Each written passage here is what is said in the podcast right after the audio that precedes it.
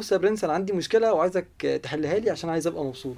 من غير بقى تلك الأسئلة الوجودية حوالين أنا جسمي والناس هتشوفني إزاي ومراتي هتشوف إزاي.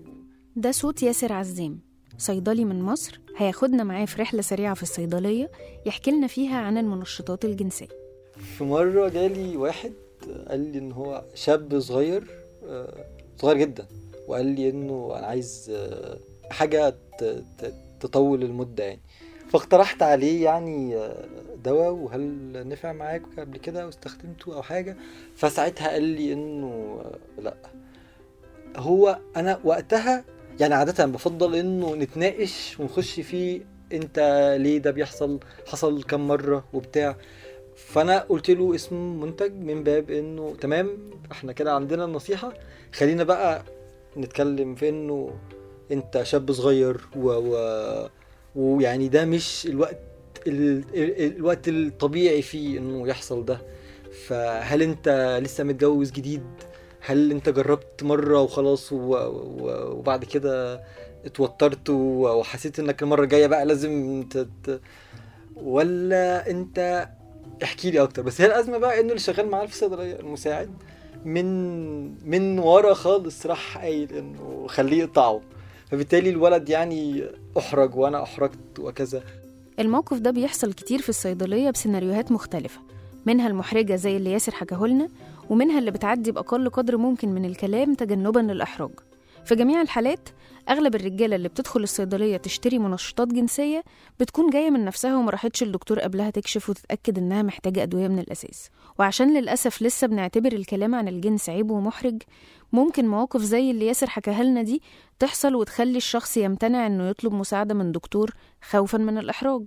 كلمت دكتور كريم سلام مدرس مساعد جراحة المسالك وأمراض الذكورة بالمستشفيات الجامعية كلية الطب عشان أفهم منه أكتر مين بالظبط اللي محتاج يستخدم المنشطات الجنسية.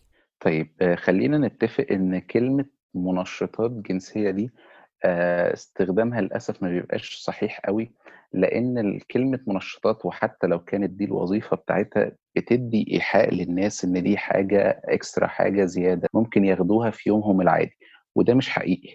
المنشطات الجنسية هي عبارة عن علاج بيتاخد في حالات معينة وفي ظروف معينة. لأنه بما إنه علاج فهو زيه زي أي علاج تاني يبقى ليه أعراض جانبية وليه استخدامات معينة. لو اتاخد في غير استخداماته ده هيأثر على الشخص وبالتالي لازم يتاخد بحرص عشان يبقى بالتركيزات اللي تبقى مناسبة للشخص ومناسبة لحالته المرضية وفي نفس الوقت ما تضروش.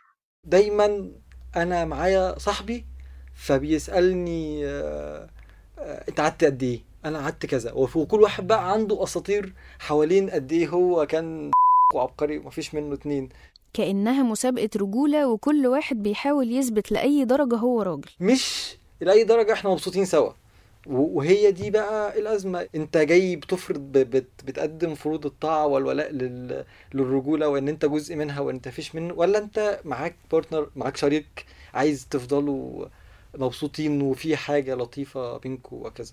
كلنا بندور على الانبساط في كل حاجة في حياتنا بس أحيانا بنلجأ لاختصارات في الطريق ممكن تبان أسهل وأسرع لكن في الحقيقة هي بتضرنا وبتأذينا حتى لو مش شايفين الضرر ده دلوقتي.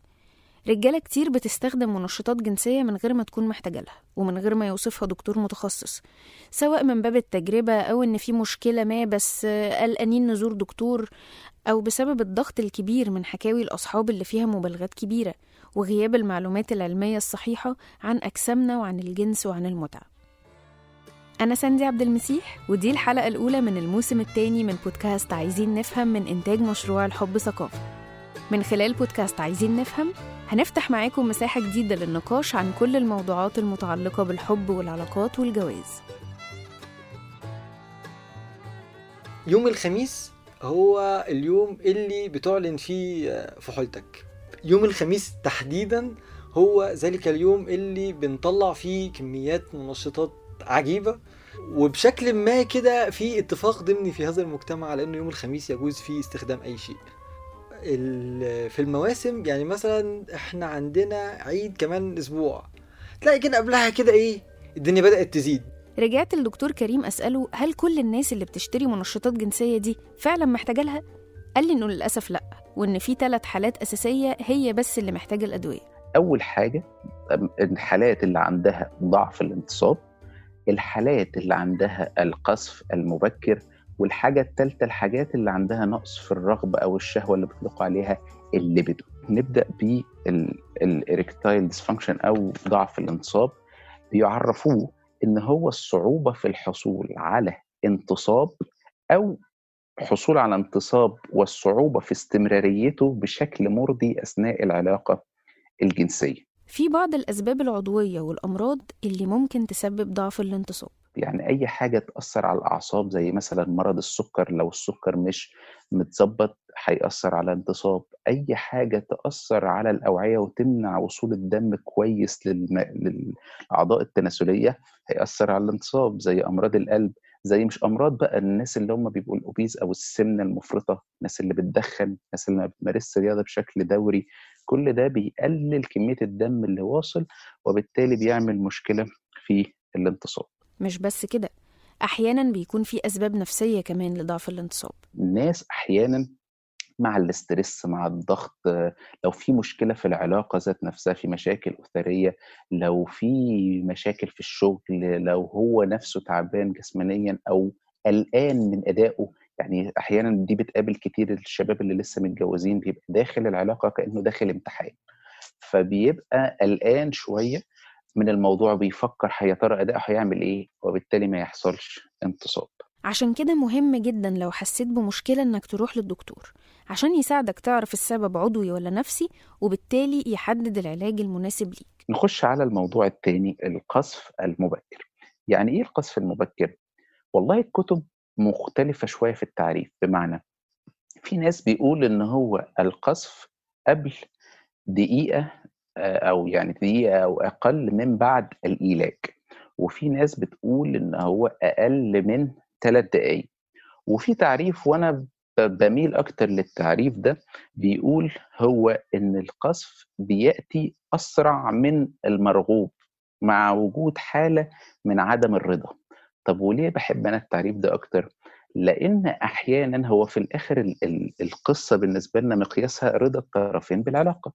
وبالتالي أحيانا بيبقى الشريكين في درجة عالية من الإثارة. ممكن العلاقة ما تطولش ممكن يبقى دقيقة أو دقيقتين ورغم كده الشخصين راضيين تماما عن العلاقة فساعتها ما أقدرش أقول عليه قذف مبكر سرعة القذف زيها زي ضعف الانتصاب برضو ليها أسباب كتير نفسية زي القلق والتوتر أو عدم الرضا عن النفس أو عن العلاقة بسبب المقارنة مع أفلام البورن طب إيه هي المدة الطبيعية للجنس؟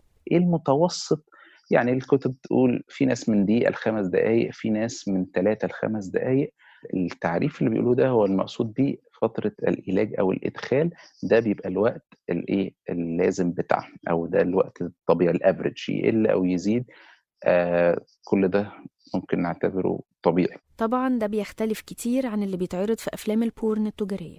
مشكلة المواد الأباحية إن الشخص لما بيتفرج عليها بتديله توقعات عالية قوي لأنه بيشوف شكل معين للعلاقة مش بيبقى هو الشكل الطبيعي اللي بيلاقيه في الحياة العادية من حيث بقى شكل الأعضاء التناسلية من حيث شكل الشريك من حيث المدة بتاعت ال- العلاقة ذات نفسها والأوضاع وغيره.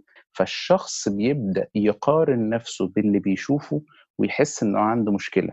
عشان كده بيجي لي كتير شباب في العيادة بيبقوا لسه شباب صغيرين ما عندهمش أي حاجة ولسه متجوزين جديد يجي يقول لي أنا عندي مشكلة في الانتصاب أنا عندي د- مشكلة في القذف بقى في قذف مبكر. لما تبدأ تتكلم معاه وتاخد التاريخ المرضي بتاعه تشوف أو تعرف إن الشخص ده طبيعي جدا ولكن مشكلته الوحيدة إن هو ما كانش عنده مصدر المعلومة الصحيح. وكل معلوماته كانت متاخدة من المواد الإباحية فبيبدأ يتجه للأدوية والمنشطات عشان يحاول يوصل للموضوع ده أو يوصل للشكل اللي هو شافه. المقارنة مع أفلام البورن مش بس بتهز الثقة بالنفس لكن ممكن تأثر على نظرتك للطرف التاني. الشخص لما بيشوف في الأفلام أشكال معينة أو أشكال مختلفة من ال ال الأشخاص ومواصفات جسمانية معينة وغيره بيبدأ يقارن ده بشريك حياته فيبدأ يحس بحالة من الفتور من ناحيته. ففي حالة الفتور دي بتخلي ما عندوش درجة إثارة في العلاقة الطبيعية بتاعته وبالتالي بيصاب بحالة من حالات ضعف الانتصاب ويجي لي الناس دي في العيادة بسألهم سؤال مهم قوي هل ضعف الانتصاب ده موجود طول الوقت؟ يقول لك لأ والله هو ده غالبا بيبقى مع العلاقة الزوجية. اسأله على الانتصاب الصباحي أو الانتصاب أثناء الفرجة على الأفلام الإباحية يقول لك الانتصاب كويس قوي فتعرف إن الموضوع نفسي أكتر وإن الموضوع ليه علاقة أكتر بدرجة التحفيز وبمدى الرضا عن شريك الحياة. طيب إيه أضرار استخدام الأدوية الجنسية كمنشطات من غير احتياج ومن غير دكتور؟ أول حاجة إن أنت بتعود أو تعود الشريك على شكل معين للعلاقة. فبترفع توقعاتك وتوقعات الطرف التاني من حيث مدة العلاقة وشكل الانتصاب ولما تيجي توقف الدواء وتلاحظ فرق بيحصل إحباط مع إنك طبيعي وما كنتش محتاج الدواء من الأول. فيضطر الشخص إن هو يزود الجرعة من نفسه وهو أصلا اوريدي واخدها لوحده وبالتالي يعرض نفسه لأعراض جانبية كتير. ده بقى عبث في كل الأدوية إنه أنا خدت حباية مسكن ما نفعتش هاخد حبايتين هاخد ثلاثة هاخد أربعة المضاد الحيوي ياخد لي منه حبايتين. في زبون عندنا راجل كبير كده بيشتري نوع غالي جدا غالي جدا من ال فالراجل ده بيجي كل شهر يشتري ال- الدواء. هو بقى بيخش بفخر وباعتزاز يختلف عن أي حد تاني بيخش يطلب المنتجات الرخيصة. ده بقى بيخش بالكمية بتاعت الشهر لكل الدواء بتاعه. فهذا المنشط الجنسي الغالي اللي هو بياخده بياخد كمية كبيرة جدا جدا. أنا فعلا عندي شك حقيقي بأنه بيستهلكها كلها أو إنه بيستخدمها بشكل بشكل صح. الاستخدام العشوائي وبدون تحديد الجرعة المناسبة لكل حالة ليه مخاطر كتير. سواء أعراض بسيطة زي الصداع زي اضطرابات الجهاز الهضمي ترجيع غثيان وصولا لأعراض صعبة شوية وممكن تحتاج تدخل جراحي حاجة اسمها البريابيزم. إيه البريابيزم أو الانتصاب المستمر؟ دي حالة بتحصل إن الشخص غالبا يعني من ضمن أسبابها الأساسية الشخص بياخد دواء بتركيزات عالية وبالتالي بيبدأ يحصل انتصاب أكتر من اللازم. يعني إيه أكتر من اللازم؟ يعني بعد ما يخلص العلاقة يفضل الانتصاب مستمر ما بيروحش خالص. ودي بنعتبرها إحنا في في جراحة المسالك والذكورة من حالات الطوارئ. لأن الشخص لازم الانصاب ده يروح. لو ما راحش عن طريق الأدوية وعن طريق حاجات معينة بنعملها لازم يبقى فيه تدخل جراحي عشان نفضي الدم الراكد جوه ال- ال- الأوعية ده عشان الانتصاب يروح. ليه؟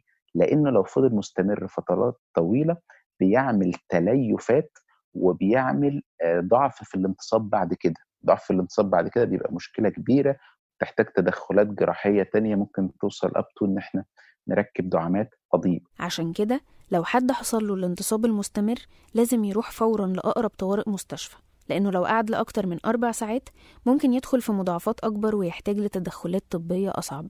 يمكن ال priapism ده أو الانتصاب المستمر ده كمان يا ساندي بنشوفه أكتر مع الأنواع المضروبة. يعني إيه الأنواع المضروبة؟ حاجة اسمها العسل الجبلي. تلاقي الناس بيجيبوا العسل ويبدأوا يطحنوا عليه أنواع مختلفة من الأدوية ال- الجنسية. حلو؟ ويبدأوا يبيعوا للناس. إيه المشكلة؟ في جروب أو مجموعة من الناس ما بتبقاش عارفة إن ده أصلا عسل فيه حاجة يعني هم بيبيعوا على انه عسل جبلي وجاي بغذاء ملكات النحل ومعاه حبوب لقاح وحبوب مش عارف إيه ويفضل يقعد له قصص وحوارات. الشخص ياخد ال- ال- العسل ده يلاقي الانتصاب بقى كويس قوي وزي الفل. حلو؟ يقول لك الحمد لله دي بقى إيه كله ببركة العسل. المشكلة إنه بيبقى التركيزات في الحاجات دي مش مظبوطة. وبالتالي الشخص بياخدها ممكن تبقى التركيزات عالية قوي. طبعا هم كل اللي في السوق عايزين يعلوا على بعض فكل واحد يزود التركيزات أكتر عشان يبقى النوع بتاعه هو النوع المطلوب أو النوع الأفضل. فبالتالي بتلاقي الشخص بيجي لنا تبدأ تاخد من تاريخ المرض يقول لك أنا ما باخدش أي أدوية وكل اللي باخده بس هو عسل كده بيساعد على الموضوع. في الصيدلية كمان ممكن النصايح الغلط أو ترشيح منتجات مش مناسبة للحالة تسبب مشاكل. يعني في خدع بتخلي إنه الطرف التاني هو بالتأكيد مش هيبقى مبسوط. يعني إحنا كلنا كده إحنا بد... أنا بديك النصيحة وبقول لك إن إن الطرف التاني مش هيبقى مبسوط بس أنت هتقعد فترة طويلة. فأنا على الورق وعلى الامتحان لا مؤاخذة أنا فانت المشكلة فيكي. أنا ماليش دعوة أنا فل في حين إنه حبيبي ما أنت لما أنت بتستخدمه ده كارثي. الصيدلية أحيانا بتتحول لمحل عطارة الشخص اللي موجود سمع من بني آدم ما معدي إنه أو من مصدر معرفة ما, هواش حاول يفصل الموضوع أو ما هواش موثوق فيه إنه آه، خد ده. ألف مبروك. وربنا يتمم بالخير يا أخويا لا مؤاخذة أنا أخوك من طرف لوستا تيتي الميكانيكي. عدم المؤاخذة عنده ظروف كده فمش هيقدر يحضر فرحك. إذا كنت أنا مش هحضر فرحي. ها؟ مش هحضر فرحي. على بركة الله هو موصيني أسألك سؤال محدد. دماغك إيه؟ إيه؟ بس خلاص أنا فهمتك. أنا معايا هنا في الجيب ده ترامادول الترادول مادول Xanax فانيلين خمسة فانيلين ثلاثة ابو صليبة SR 200 من الآخر الجدول كله هنا. لا معلش أنا خدت حاجات كتيرة أوي النهاردة. بس خلاص أنا فهمتك. سيبها لي بقى أنا ابن بلد وفاهم. خلي المجموعة دي معاك. امسك. خليهم معاك. دول تاخدهم بكوباية مية بعد خمس دقايق وهتدعي لي وبأمر الله يومك ناجح. الترامادول في ناس كتير بتستخدمه عشان تأخر القصف. آه، مشكلة الترامادول إن هو ما بيتكتبش في روشتات. طيب وإيه ال- المشكلة؟ إن الشخص برضو عشان ياخده بيبدأ ياخده من مصادر غير موثوق فيها. أولا الدواء نفسه ما بيبقاش معلوم المصدر وكتير في السوق بيبقى مضروب.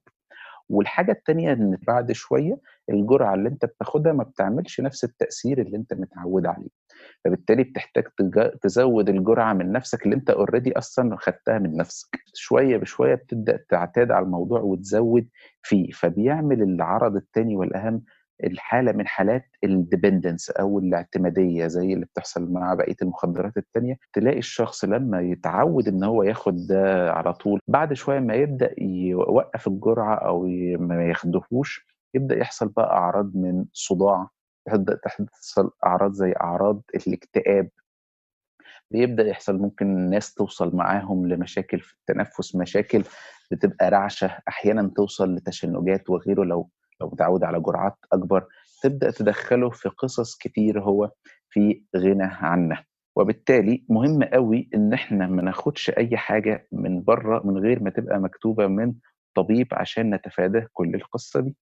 الحاجة الأخيرة والمشهورة من قصة المخدرات واللي الناس بتلجأ لها برضو الحشيش. ويمكن الحشيش الناس بتاخده يقول لك عشان بيطول الموضوع شوية. ولكن للأسف الحشيش مش بيعمل كده. بل بالعكس ده ممكن يأثر على الموضوع. إزاي؟ الحشيش بيعمل حاجة اسمها false perception of time. يعني إدراك خاطئ للوقت وجود الحشيش وتأثيره على دماغه يديله انطباع خاطئ إن الموضوع طول. مش بس كده الحشيش بيزود الإثارة ولكنه بيضعف الأداء الجنسي أو بيضعف الانصاب. حتى الحشيش أو الماريوانا والحاجات دي بتبقى محطوطة من ضمن أسباب ضعف الانتصاب. الشباب الأصغر عليهم ضغط كبير من أصحابهم.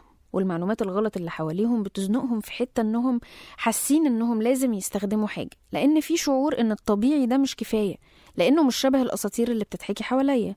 بس أنا مش هقدر ولا أروح لدكتور ولا أشتري أدوية. فهمشي ورا أساطير المخدرات لأن هي دي الحاجة المتعارف عليها أكتر في مجموعة الأشخاص اللي في سني. فبالتالي الجماعة الكبار بيقعدوا مع ناس كبار كلهم محتاجين يستخدموا منشطات جنسية. الجماعة الصغيرين بيقعدوا مع ناس صغيرين محتاجين يحكوا عن آه، آه، أساطيرهم. ف... فالكبار بيحكوا عن إنه أنا استخدمت حاجة وكنت عبقري. التاني بيقول إنه ممكن يكون يعني يصرح بإنه استخدم مخدرات لإنه ده ده ده, ده شيء جامد. أنا بشرب مخدرات فبالتالي تمام أنا ممكن أستخدم مخدرات بس أستخدم منشط جنسي ما ينفعش أروح لدكتور بس أنا باخد مخدرات. هل في حاجة ممكن أعملها قبل اللجوء لأدوية؟ دكتور كريم وضح لي إن غير العلاج الدوائي في علاج سلوكي. فمثلا لو في سمنة نحاول نقلل الوزن ونبطل تدخين ونلعب رياضة. في تدريبات متخصصة بقى بقصة ضعف الانتصاب والقصف المبكر. تدريبات اسمها تدريبات كيجل. إيه تدريبات كيجل دي؟ دي تدريبات آه بتبقى على منطقة الحوض. تبقى تدريبات معينة لو دخلتوا على اليوتيوب كده وكتبتوا تدريبات كيجل هيطلع لكم فيديوهات كتير جدا بتحسن الدورة الدموية لمنطقة الحوض وبالتالي بتحسن الدم الواصل للأوعية الدموية وبتزود ال- العضلات وبتحسن الجزء ده. صحتنا النفسية كمان مهمة جدا. انطباع ان في قدر من ال- التوتر والأمراض النفسية في حياة الناس بالتأكيد بيأثر على حياتهم آه، الجنسية. وبالتالي في خطوات المفروض تتاخد في في العناية بالذات و- و- ومحاولة التعامل مع المرض النفسي على إن هو مرض حقيقي وبالتالي تكون حياته أحسن ومزاجه آه، في يومه أحسن. آه، علاقته حتى بالطرف التاني والقدرة على التواصل أكيد هتتأثر لو في آه، مشكلة نفسية ما جسمه نفسه آه، هيتأثر. الجسم مش آلة والجنس مش بس انتصاب وإدخال والمتعة مش أساطير بنحكيها على القهوة لكن مهم قوي نفهم أجسامنا ونديها وقت. الشعور بإني داخل امتحان بيقتل أي انبساط. فكر إنك مش جاي تثبت حاجة لحد لكن جاي تتبسط وتبسط الطرف التاني. أيا كان إيه شكل وطريقة الانبساط ده مش مهم يكون شبه فيلم أو صورة أو حكاية سمعتها من حد بيتمنظر. المهم تكون أنت واللي معاك بجد مبسوطين. كنت معاكم من التقديم والإعداد ساندي عبد المسيح. ساهم في الإعداد أمير زكي أحمد عطوة رامي متولي ومي الحسيني. بودكاست عايزين نفهم مدعوم فنيا من منصة بودكاست صوت. لو الحلقة عجبتكم ما تنسوش تسيبوا لنا رأيكم في التعليقات وتشتركوا في قنواتنا على منصات البودكاست اللي بتفضلوها. ما تنسوش كمان تشاركوا الحلقة مع أصحابكم. استنونا في الحلقة الجاية يوم التلات اللي بعد الجاي. سلام.